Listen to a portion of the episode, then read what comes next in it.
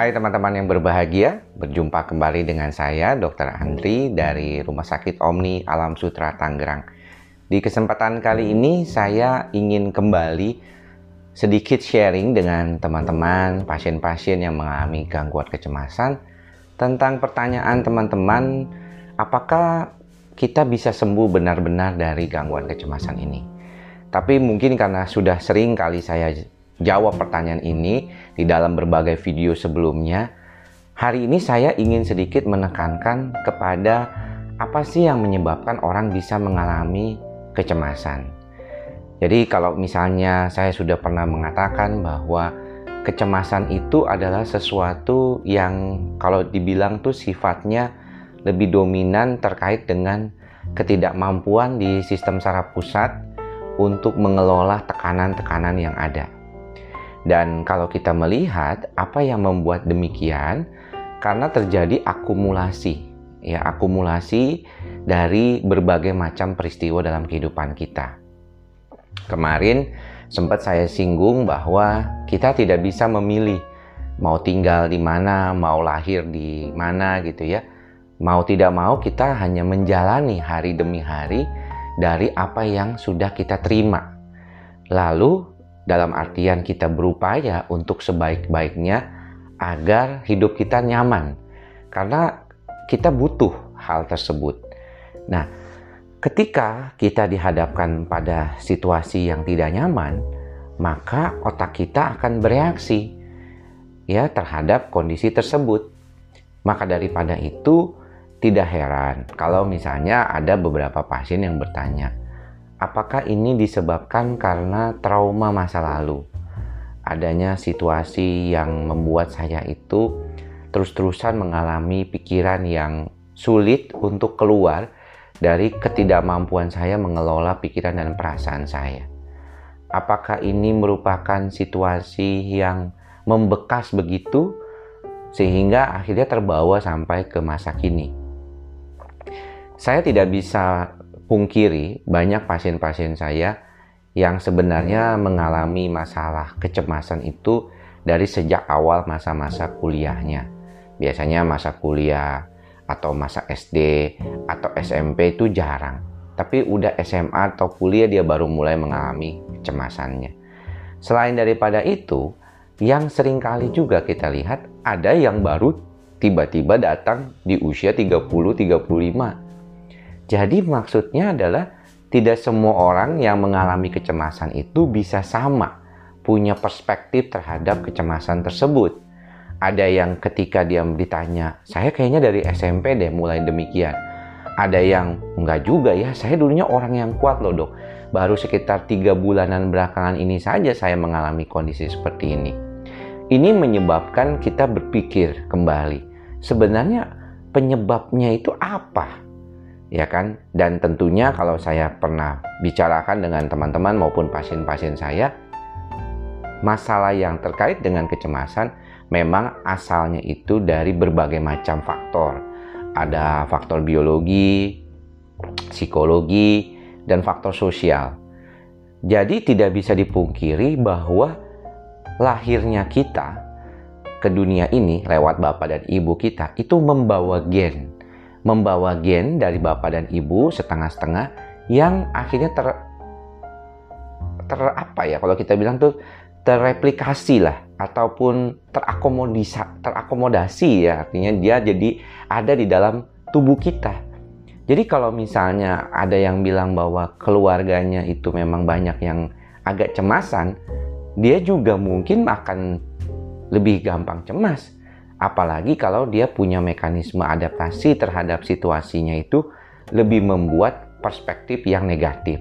Sehingga otak akan disediakan untuk selalu berjaga-jaga. Ya. Jadi kalau kita melihat ternyata untuk menjadi seorang itu mengalami kecemasan, sebenarnya banyak bergantung juga pada kondisi diri dia dan lingkungannya.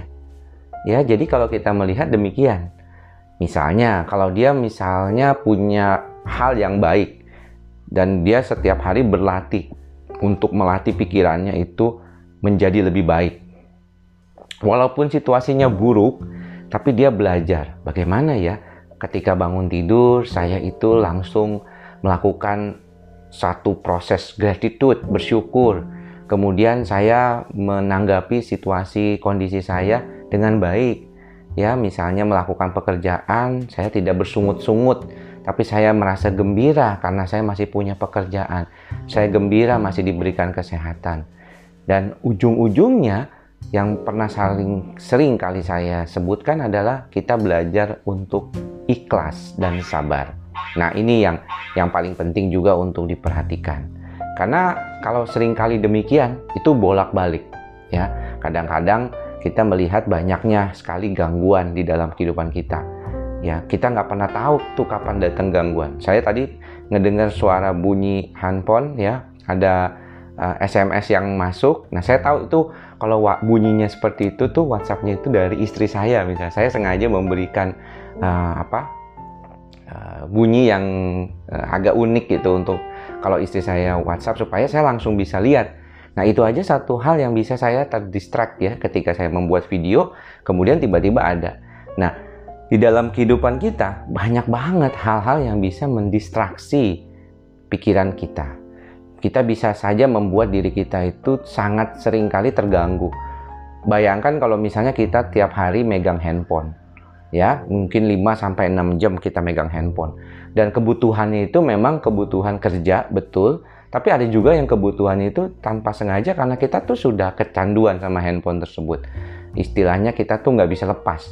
Nah distraksi itu jadinya bukan dari lingkungan. Kita nggak bergaul memang dengan teman dengan orang lain sekarang nggak ketemu orang gitu ya di zaman ini. Tapi di depan mata kita tuh distraksi selalu ada.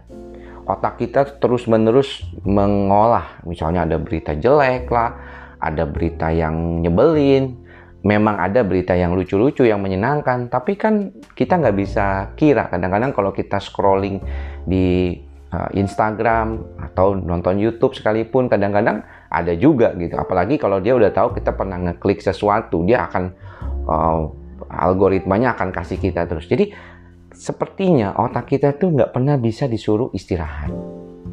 Jadi, mengistirahatkan pikiran, menyederhanakan pikiran, mengatasi keadaan dengan melakukan latihan sabar dan ikhlas, itu adalah hal-hal yang bisa dilakukan, tetapi memang tidak mudah di zaman sekarang ini.